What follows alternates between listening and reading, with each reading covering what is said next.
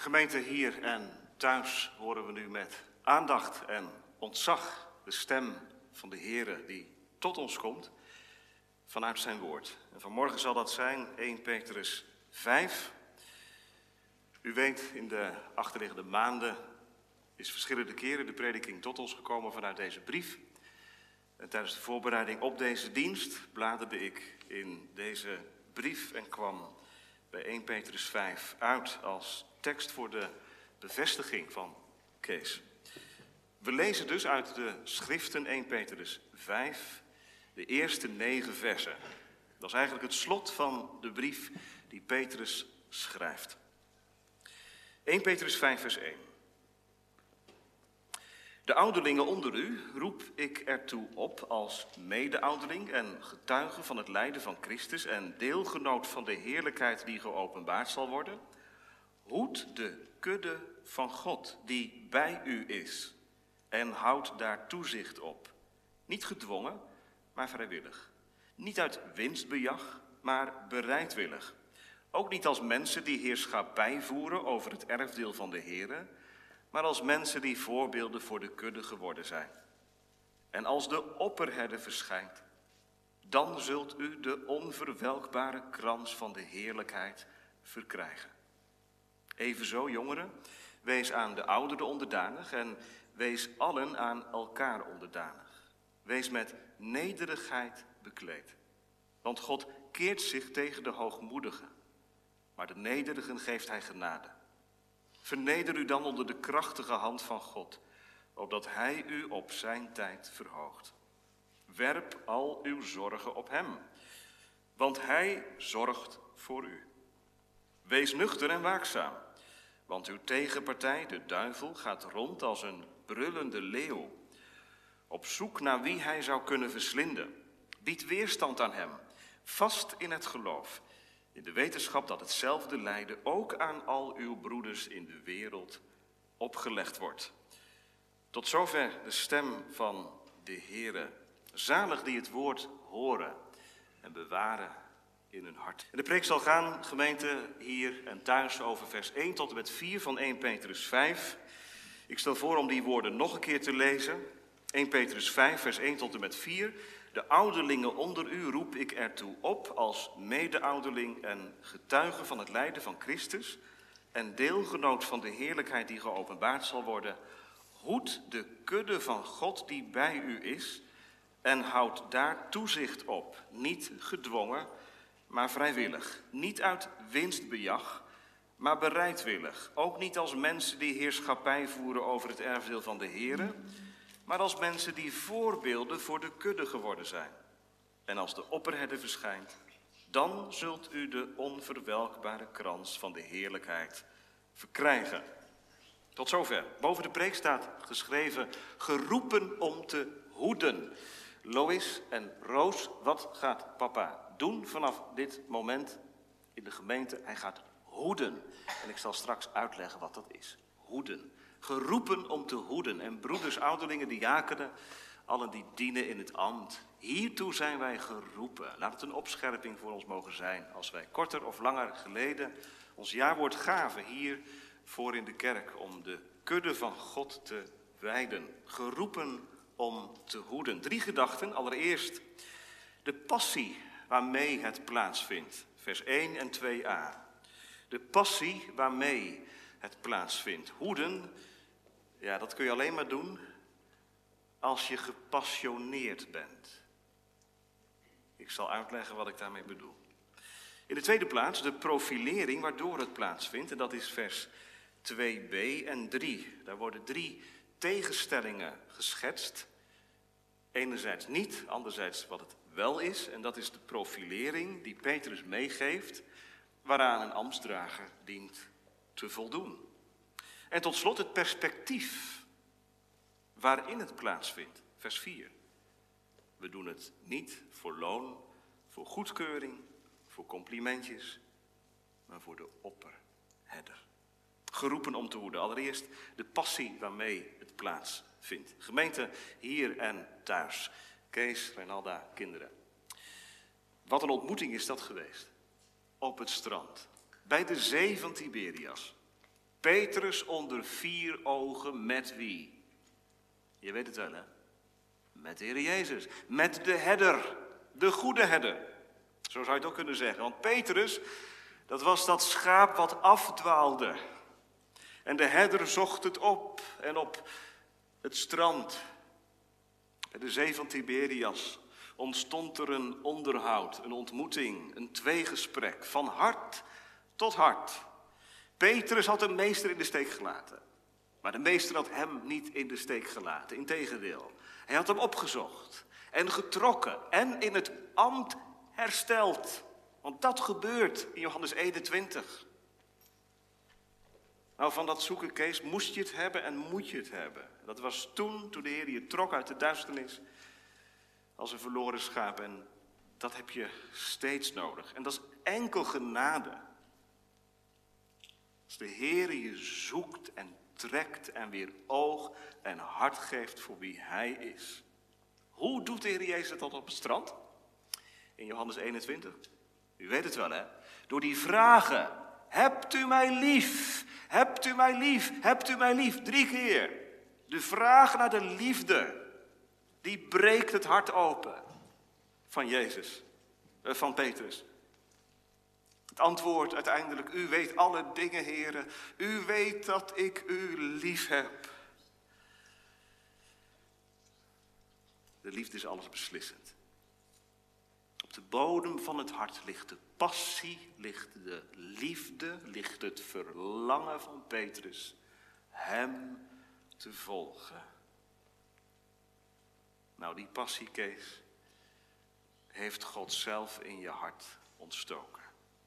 En dat is niet vanaf vandaag, nu je in het ambt gaat dienen, maar dat was ook al voorheen in de omgang met de jongeren in onze gemeente. En eigenlijk is dat eigen aan ieder die getrokken wordt uit de duisternis. Wat is kenmerkend?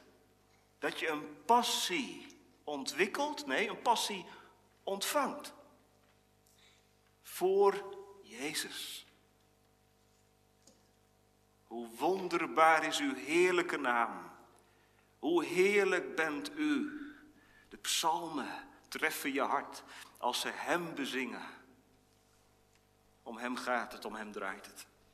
Straks gaan we het zingen. Mijn hart, o hemel, majesteit, is tot uw dienst en tot uw lof bereid. Tot uw dienst.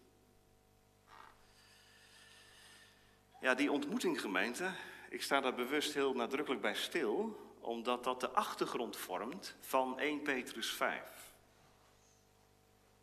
Moet je even nagaan, Petrus, dat baasje, de man die het wist, schrijft hier, kijk maar mee, ik ben een mede-ouderling. Ik sta naast jullie. De ouderlingen onder u roep ik ertoe op als mede-ouderling. Hoed de kudde van God. Wat is er gebeurd op het strand bij de zee van Tiberias? Petrus heeft een genadeklap gekregen. Hij was al bekeerd, jazeker. Hij was al bekeerd. Maar denk je dan dat je alles weet en alles kunt? Petrus moest verdiept worden in zelfkennis en in kennis van de Heer Jezus. En dat gaat de meester hem leren. En hier proef je het. In dit vers. Ik ben een mede-ouderling. Ik heb geen reden om me te verheffen. Dat bedoelt hij. Waarom niet? Nou, ik heb niet zo'n vlekkeloze reputatie. Petrus zegt niet, ja, ik loop al heel wat jaren mee in het ambt en ik kan jullie wel vertellen hoe het moet, zus en zo. Hier is geen gewichtige ambtsdrager aan het woord. Die met kop en schouders boven nieuwelingen uitsteekt. En ze eens even vertelt hoe de vork in de steel zit. Petrus is alles kwijtgeraakt. Zijn naam, zijn positie, zijn eergevoel.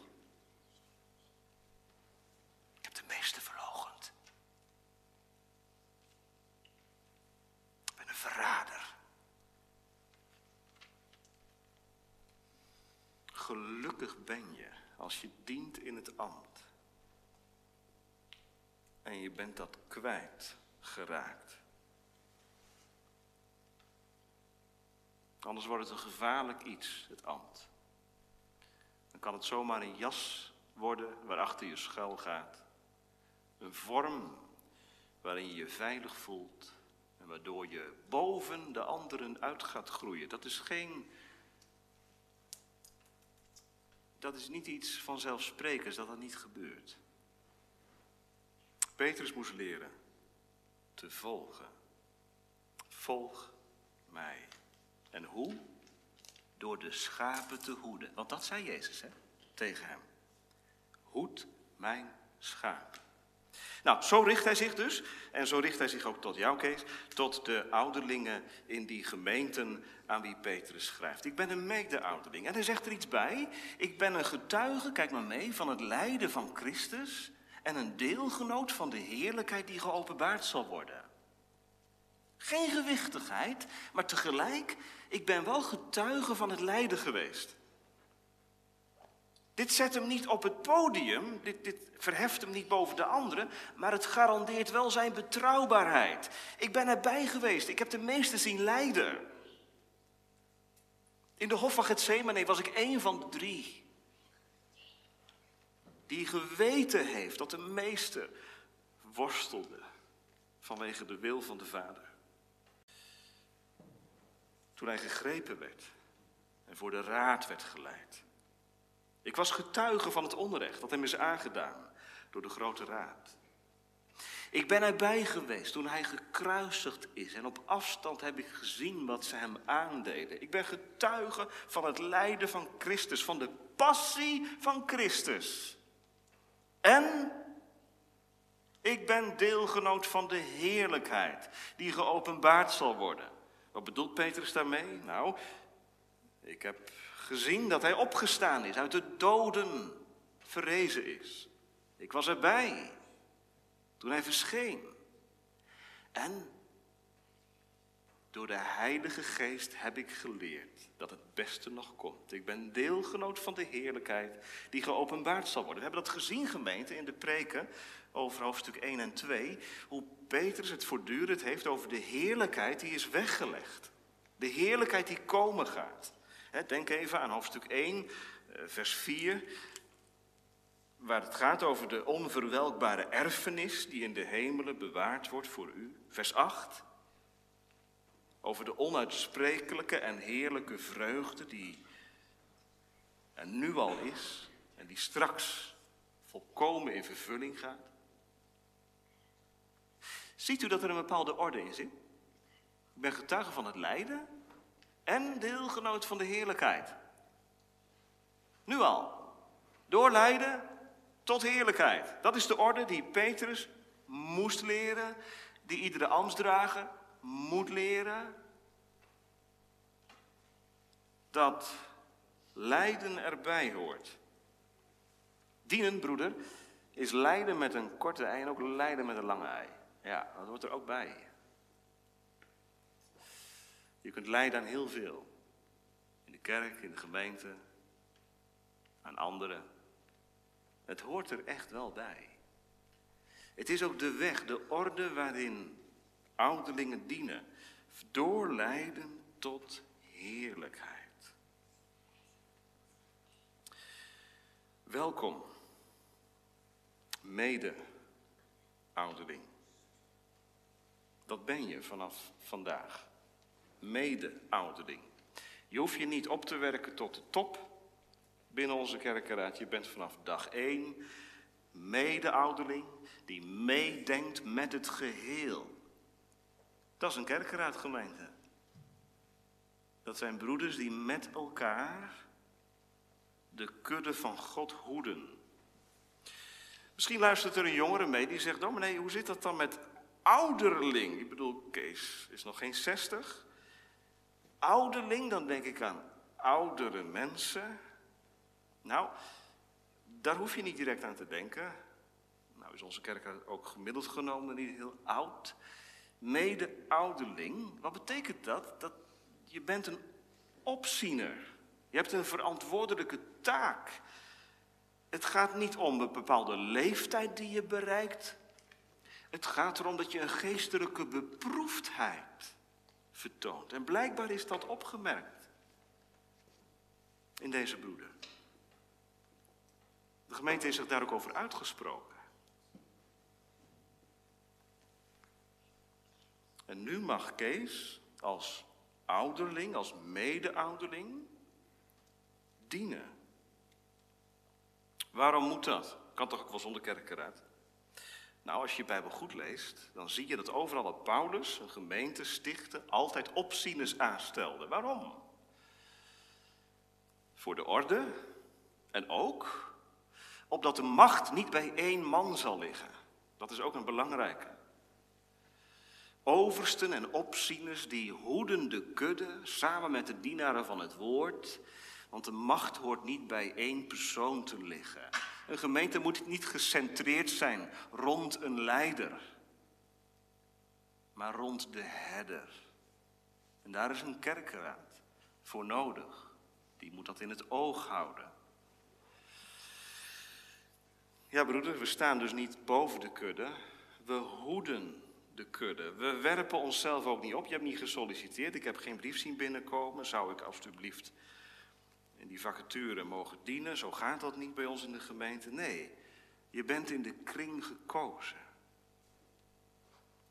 En uh, Lois en, en Roos, uh, ja, school is natuurlijk even geleden, maar als je straks weer naar school moet, dan gebeurt het wel eens hè, dat de juf um, zegt: Kom eens even in de kring staan. En dan moet je naar voren komen en dan sta je vooraan en dan kan iedereen je zien. Nou, dat is best een beetje ingewikkeld soms, spannend. Maar zo kun je ook alle anderen heel goed zien. Hè? Als je in de kring komt en iedereen zit om je heen en je kijkt rond, dan zie je iedereen. Nou, dat is nou gebeurd met papa. Papa is van een beetje onzichtbaar, iets zichtbaarder geworden. Hè? Want hij hoort nu bij de kerkraad, dat is niet dat hij belangrijker is of zo. Maar hij komt in de kring, mensen zien hem, kijken naar hem, meer dan anders vanaf vandaag. En dat is niet erg. Hij heeft zichzelf niet naar de voorgrond gewerkt, maar hij komt als vanzelf in de kring. Waarom? Hoed de kudde van God die bij u is. En dat is mooi, gemeente. Wat is de gemeente? Wie bent u? Als u thuis zit of hier, u bent deel van de kudde. Deel van de kudde. Nou, wat is een kudde? Ja, een kudde is natuurlijk, dat zijn natuurlijk schapen. Dat voelt iedereen wel aan. Het gaat over schapen vanmorgen. Een schaapskudde. Een gemeente is als een schaapskudde. En, dat zet ik er zet ik even een hele dikke streep onder de hoed, de kudde van God. Niet de kudde van, vul maar in, de kudde van God. De kudde van God. Kudde is niet mijn project, niet jouw project. Het is Gods kudde. Van wie heeft Petrus dat? Van Jezus. Hoed mijn schapen, Petrus, niet jouw schapen. Hoed mijn schapen. Hoed mijn lammeren, wijd mijn schapen. Hoe moet dat? Volg mij. Bid, broeder, o zoon, o Heer Jezus, maak mij uw beeld gelijk. Want u hebt het gedaan en u hebt het in uw leven laten zien wat het betekent om de kudde te wijden. U bent de goede herder geweest. En als ambtsdrager mag je herdersjongen zijn. Je mag het afkijken van de grote herder. Hoed de kudde. Hoeden. Niet africhten, dat doe je met een hond. Niet voortdrijven, dat doe je met een kudde koeien. Maar hoeden. Mooi woord, Prachtig woord. Hoeden, dat is beschermen op het heil uit zijn. Het beste zoeken in eeuwigheidsperspectief voor jongeren en ouderen die aan je zorgen zijn toevertrouwd. En dat, dat kun je alleen maar doen met passie. Zijn jullie wel eens bij Hoogbuurlo geweest? Bij de schaapskudde? Nou, daar loopt ook een schaapherder. Wij zijn er ook wel eens geweest. En als je die man bezig ziet, dan zie je van een afstandje al, hij heeft een band met de schapen. Die man doet dat niet omdat hij van de straat wil zijn, omdat hij zo, zo nodig wat geld moet verdienen, maar hij doet dat met zijn hart. Het is een ambacht, het is een passie.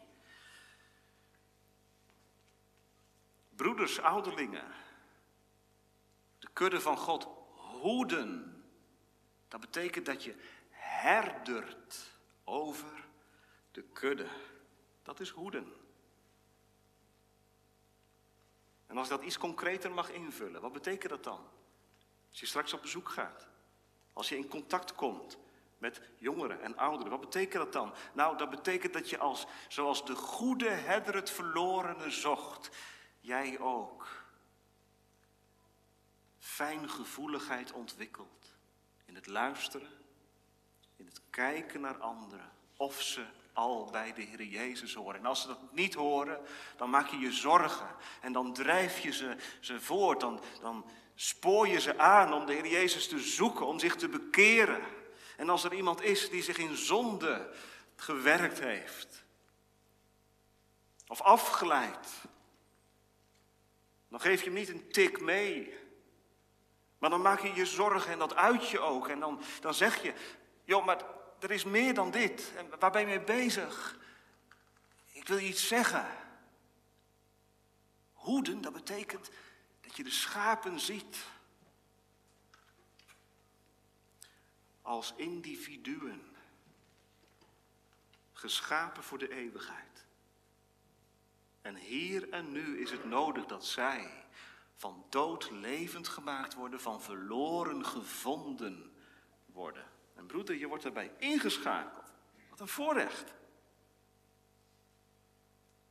Hoeden. Dat betekent dat je ze beschermt tegen gevaren. Als je bepaalde signalen krijgt, patronen ontdekt bij jongeren, ouderen, waar je zorgen over maakt, dat bespreek je, dat probeer je bespreekbaar te maken. Want het gaat om hun heil. Of stel nou dat het andersom gaat, hè? iemand komt bij jou, dat kan natuurlijk ook. Die gaat biechten bij jou. Opent zijn hart. Je mag een luisterend oor zijn. Misschien komt er wel heel veel ellende over de brug. Wat doe je dan? Mag je hoeden? Luisteren. Hoeden, broeders, als er wonden zijn en krassen op de ziel van schapen die we tegenkomen. Uitluisteren. Niet met een snelle belofte. Een, een pleister op de wond plakken. Maar doorluisteren. Nee, de goede herder delegeert zijn pastoraat niet aan jou en aan mij. Maar hij schakelt ons wel in. En dat is echt een verwaardiging. Laten we het zo maar noemen. Een verwaardiging. Om klein van te worden en klein onder te blijven. Nou, hoed de kudde van God die bij u is. Daar zet ik nog even een klein streepje onder. Die bij u is, dat betekent ja, je kunt niet van een afstandje die kudde gaan inspecteren. Als je wel eens in Hoogbuurlo geweest bent, dan weet je dat die schaapherder heel dicht bij de schapen komt. Hij inspecteert ze, hij kijkt of, of, of die tussen de wol hè, of de parasieten zitten en zo. De kudde die bij u is, dat betekent we moeten er zijn. Ik uh, deed mij herinneren aan een um, periode uit mijn leven, middelbare schooltijd. Dan had je dan pauze en uh, we hadden verschillende conciërges. En er was een conciërge, die liep altijd van een afstandje keurend en inspecterend rond. En als er dan iets gebeurde wat hem niet zinde, dan ging zijn mond open en dan schreeuwde hij. Of hij pakte je gewoon in de nek en hij sleepte je mee en hij zette je ergens in een hoop neer. Iedereen was bang voor hem. Conciërge. Als een boeman liep hij over het schoolplein. wat gebeurde? Ja, je gaat natuurlijk stiekem gedrag vertonen dan. Hè? Als die een beetje uit je buurt is, dan durf je. Maar als hij eraan komt, dan... Wat ook een andere conciërge. En die man liep heel soepeltjes over het schoolplein. Maakte een praatje hier en daar. Hij deed soms mee met een spelletje. Hij was betrokken. Niemand was bang voor hem. Maar er waren ook geen ongeregeldheden. Wat was nou het geheim van die conciërge? Nou, tegenwoordig zouden we zeggen, hij, hij levelde. Hè? Hij was betrokken. Hij hield toezicht. Dat was zijn taak. Maar niet vanuit een dominante positie. Hij was onder de schapen. Broeder, hoed de kudde van God die bij u is en houd daar toezicht op. Ja, daar zit een gezagsdimensie in. Je hebt een volmacht van de Heer gekregen om toezicht te houden, om in te grijpen, om te vermanen, om te waarschuwen. En gemeente van Christus, hier te Apeldoorn, broeder van Rossum, waakt voor uw zielen. Ontvang hem uit de handen van de Heer als uw voorstander in de Heer. Hoeden. En Kees, wat ik vooral hoop is, dat je voordat je op pad gaat, laat me zo even zeggen, naar de kudde gaat, dat je allereerst jezelf onder het opzicht van de goede herder stelt. Hij wordt in 1 Petrus 2, vers 25 genoemd de herder en opziener van uw zielen. Wij mogen ons hart voor hem openen. Opdat wij, als we daar op de bank zitten bij dat gezin, bij die mensen, van hem leren hartelijk bewogen te zijn met die ander. We gaan snel verder. Tweede gedachte. De profilering waarmee het plaatsvindt. Hoed de kudde van God, die bij u is. Houd daar toezicht op en dan komen er drie tegenstellingen. Drie tegenstellingen. En tegenstellingen, kinderen, die helpen om iets op te laten lichten. Als je een zwart voorwerp hebt, dan kun je dat voorwerp op laten lichten door een witte achtergrond. Of andersom, hè? een wit voorwerp kun je juist goed laten oplichten tegen een zwarte achtergrond. Nou, dit zijn tegenstellingen en we gaan ze alle drie bij langs. Calvijn zei ervan, dit zijn drie zonden die ambtsdragers het meest hinderen. Dus broeders ambtsdragers, we snijden nu in ons eigen vlees. Als wij deze drie tegenstellingen op ons in laten werken, laten we ze bij langs gaan. Het profiel wat Petrus tekent en wat de meester voor ogen heeft in het hoeden van de kudde van God. Allereerst, niet gedwongen, maar vrijwillig. Niet gedwongen. Nou, zeg jij misschien, dat lijkt toch vanzelfsprekend. We hadden contact deze week en je zei, ik heb er zin in. Ik heb er zin in. Nou, dat is mooi, dat is prachtig. Zin van de Here gekregen om te dienen in zijn koninkrijk. Dus ja, dat niet gedwongen. Maar goed, broeders, als je nou wat langer meeloopt. Twee jaar, drie jaar, vier jaar, acht jaar. dan is dat vanzelfsprekende er ook wel af. Hè? Heb je er altijd zin in? Of moet je er ook wel eens toe zetten? Vergadering, bezoek? Gedwongen. Als we even denken aan de context waarin Petrus schrijft. Petrus schrijft aan ouderlingen die leven in een context van vervolging, van verdrukking. Het is niet eenvoudig om ouderling te zijn, want je wordt aangekeken en je wordt afgerekend op je functioneren. Het was een hele ingewikkelde tijd toen. Ik kan me voorstellen, menselijk gesproken, dat er toen ouderlingen zijn geweest. Die zich er echt toe moesten zetten. In zo'n moeilijke situatie. Om de kudde van God te hoeden. Liever even een stapje terug deden. Nee, zegt Petrus, niet gedwongen. Maar doe het vrijwillig. Hoe kan dat? Hoe moet dat? Als je wel eens lam geslagen voelt in de dienst naar de Heer, zodat je jezelf er doorheen sleept. Ligt dat aan je persoonlijkheid? Ja, de een is wat kwetsbaarder dan de ander. De een kan wat makkelijker de dingen loslaten dan de ander.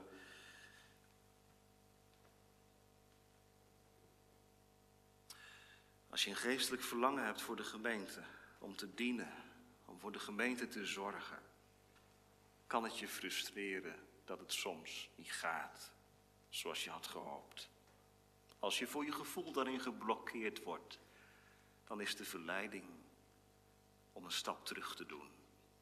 En dan voel je in je innerlijk opkomen, Ja, ik moet het doen, want ik heb ja gezegd drie jaar geleden, vier jaar geleden, acht jaar geleden. Petrus zegt niet gedwongen, maar vrijwillig. Hoe moet dat? Kijk naar de Heer Jezus. Hoed de kudde van God.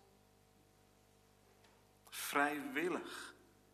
Weet je, één is geweest die het echt vrijwillig deed. Wie was dat? Jezus zelf. De ijver voor uw huis heeft mij verteerd. Hoe krijg je dat enthousiasme weer terug, dat heilige vuur in de dienst van de Heer? Niet door jezelf af te matten, op te roepen, door te gaan. Maar kruip als een schaap naar hem toe. Naar de opperherder over je zielen, over je ziel. Die je kan herinneren aan het jawoord. Je gaf het toen en toen. Mijn hart is tot uw dienst en lof bereid. En ik dien een goede zaak. Het gaat niet altijd zoals ik wil en, en vind, maar vrijwillig. Met een volvaardig gemoed. Dat is het eerste. Een tweede, niet uit winstbejag, maar bereidwillig. Nou, misschien denk je, Kees, ja, niet uit winstbejag. Uh, verdient het iets dan? Het levert toch niets op? Nee, je krijgt geen privéjet. Eh, je verdient zelfs geen cent. Je oudering zijn. Helemaal niets. Helemaal niets. Vroeger was dat wel actueel natuurlijk. Hè? Want als je in de tijd van Petrus uh, een taak kreeg. Ja, dan had dat ook uh, financiële gevolgen. Maar wat moeten we er nu mee, gemeente? Kun je uit winstbejag dan dienen in het koninkrijk? Ja, toch wel. Toch wel. Je kunt er wat mee worden. Het is een gevaar in de kerk, in het koninkrijk van God, om je identiteit te vullen met baantjes, met een ambt. Dan ga je op een troon zitten en je laat dat ook gebeuren en je laat anderen je dienaar worden. Of je laat je ego strelen omdat je ambtsdrager bent. Je laat je kietelen door woorden die mensen je toevoegen. Wie is er niet gevoelig voor? Winstbejag, uit zijn op gewin, winst voor jezelf. Dat je er goed van afkomt. Dat je er beter van wordt. Dat is het, hè? Als dat een motivatie is, broeders, in het ambt, dan zitten we mis. Dan hebben we ons te bekeren vanmorgen. Niet uit winstbejag. Dan dwalen we. Maar bereidwillig. Heren, tot uw dienst en lof bereid. Al levert het me geen cent op. En al ontvang ik ook wel eens een tik en een sneer. En ja, al is er wel eens een schaap wat tegen mij zegt. Nou, niet verwacht van je, of dit of dat. Bereidwillig. O broeders, als je het goed wil doen voor mensen, voor personen die je volg, volgen, dan zit je op een verkeerd spoor. Je doet het voor de Heer. En zijn dienst, bereidwillig. Ja, wie van ons kan zeggen dat hij daarin niet aangesproken wordt? Broeders, zullen we allemaal bidden van, na deze dienst. Maar Heer, wie is de man die op het nauwkeurigst kan zijn dwalingen doorgronden? Was, reinig mijn gemoed van mijn verborgen zonde. Want ik zit er zelf zo tussen, ook in het ambt. Herkennen we het? Tot slot, derde tegenstelling. Ook niet als mensen die heerschappij voeren over het erfde van de Heer. Er staat een woord wat je ook kunt vertalen met domineren. Domineren. Mensen die domineren over het erfdeel. Dat is een bijzonder woord, erfdeel. Dat doet aan het Oude Testament denken. Het, het volk Israël dat, dat kreeg een erfdeel. Iedere stam kreeg een erfdeel en daar moesten ze voor zorgen. Nou, broeder, jij krijgt een wijk. Laten we dat even het erfdeel noemen bepaalde wijk, bepaalde adressen. En daar heb jij opzicht over. Nou, zegt Petrus, Doe het niet als iemand die heerschappij voert over dat onderdeel, over dat erfdeel. Het is een erfdeel, het is niet van jou. Onze wijken, de mensen die aan onze zorgen zijn toevertrouwd, zijn niet van ons. Het is het erfdeel van de Heer, het is de kudde van God. Waak ervoor dat je domineert door er voor bepaalde mensen er te willen zijn, groepjes te creëren. Het is het erfdeel van de Heer. Overheersen is een trek die in ons allemaal schuil gaat. Kijk maar naar kinderen. Maar het kan een hoge vlucht nemen als je op een positie terechtkomt. In het ambt bijvoorbeeld. Natuurlijk ook in de maatschappij zie je dat gebeuren. Leidinggevende positie. Waardoor je eigenlijk al een stukje mee hebt. Waardoor je dat domineren, dat heersen, extra kunt inzetten. Nou, dit is de spiegel van morgen. Niet domineren. Geen heerschappij voeren, wat dan wel. Maar als mensen die voorbeelden voor de kudde geworden zijn. Wil je belangrijk gevonden worden, Kees? Ik wel. Jij ook. Broeders, wilt u belangrijk gevonden worden? Ik wel. U ook. Wees eerlijk. Wie onder u belangrijk wil worden, broeders, die moet uw dienaar zijn.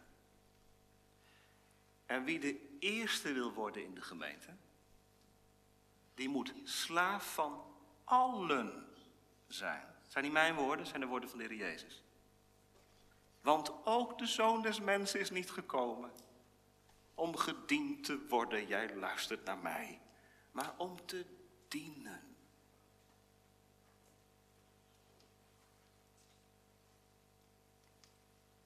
Broeder, beeld dat voorbeeld maar uit.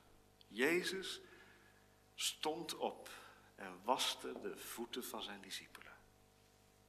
Waar wij de neiging hebben om oren te wassen, wast hij voeten. In zijn spoor te gaan kan alleen maar als je van genade leeft en op je plek gezet wordt door hem. Broeders, ik weet niet hoe u luistert naar de preek, maar wij kunnen elkaar niet beoordelen op motieven. Wij weten alleen voor Gods aangezicht hoe wij handelen. Wat onze intenties en motieven zijn.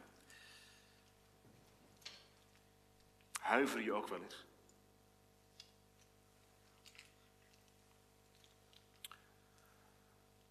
Wat zal er blijven bestaan straks in het oordeel? Als het gericht van God over mijn werk gaat. Hooi, stoppels, het zal verbranden. Je kent dat lied wel, denk ik, eh, Kees. Alles hoe schoon ook zal eenmaal vergaan. Maar wat gedaan is uit liefde tot Jezus. Al vindt iedereen er wat van. Wat gedaan is uit liefde tot Jezus, broeders. Dat zal blijven bestaan. En uiteindelijk is dat het beslissende.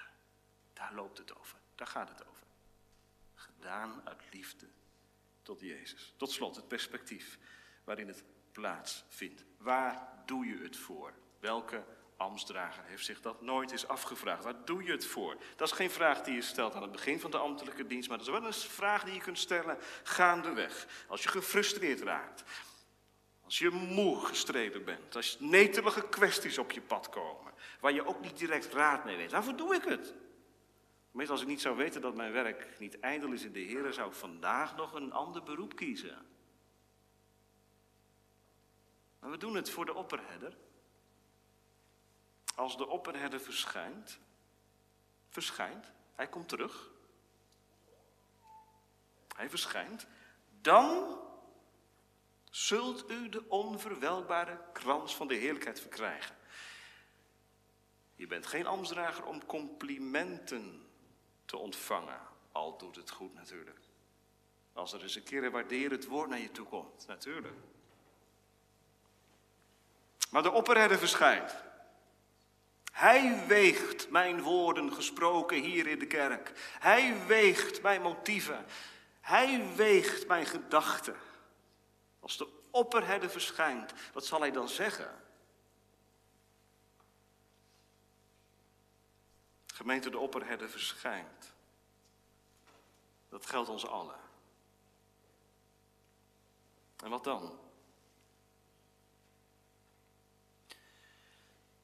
Kan hij dan zeggen tegen u, wel, gij getrouwe, goede dienstknecht, over weinig zijt u getrouw geweest, over veel zal ik u stellen. U voelt wel aangemeten, dat gaat over veel meer dan het werk van een ambtsdrager.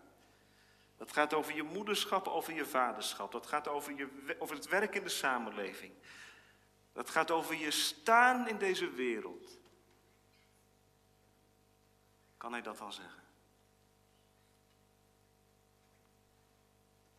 Ik vind het nogal wat, zegt iemand, de onverwelkbare krans van de heerlijkheid verkrijgen. Als de grote God, als de heilige God eindverantwoordelijke is voor mijn ambtstermijnen. Wat blijft er dan van mij over? Ja, dat is wel in het perspectief waarin het staat. Hè? Mijn werk, jouw werk, ons werk.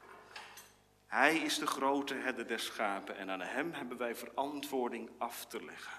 God komt terug op ons dienen. Lintjes en medailles, prachtig. Maar we moeten ze afleggen. Complimenten en waardering, we nemen het niet mee. Maar deze kroon, deze kroon wordt uitgereikt. Aan wie? Aan mensen die hebben geleerd van genade te leven. Die weten hoe feilbaar ze zijn, hoe vaak ze falen, ook in de dienst van de Heer. Dat ze niet volmaakt zijn. En dat ook niet willen inzetten als een motief om slap te zijn. Maar het wel hardgrondig moeten beleiden. Wij zijn feilbaar. Je wordt gekroond met een onverwelkbare krans. Dat was vroeger, ja, dat werd vroeger uitgereikt aan mensen die bijvoorbeeld een, een atletiekwedstrijd hadden gewonnen. Een, een, krans, een lauwe krans. Maar die verging. Hier gaat het over een onverwelkbare krans van de heerlijkheid. Het gaat hier over de toekomst. Het gaat hier over de hemel. Over de heerlijkheid. Bij de voorbereiding van de preek dacht ik aan Samuel Rutherford. Hij zat in de gevangenis. Hij bereidde zich voor op de dood van zichzelf. En hij schrijft in een van zijn brieven: Als ik straks in de hemel ben, zal mijn hemel twee hemelen zijn. Als ik daar zielen mag ontmoeten, die ik geleid heb tot Jezus. Broeders, dit is het perspectief. Wij denken zo vaak in de korte termijnen.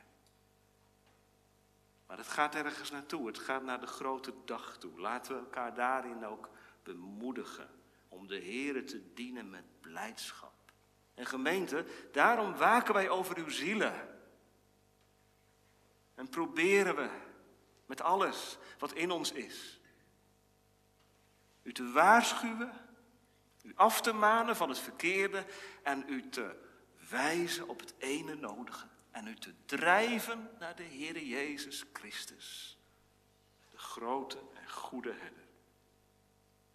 Nou broeder, in dat perspectief mag je werk staan. Geroepen om te hoeden. Heerlijk werk, want het is werk. In perspectief. Met loon wat komen gaat. Als Hij straks verschijnt en zal zeggen, wel Goede en getrouwe dienstknecht, over weinig bent u trouw geweest. Over veel zal ik u stellen. Kom in, in de vreugde van uw Heer. Mijn hart is tot uw dienst en lof bereid. Amen.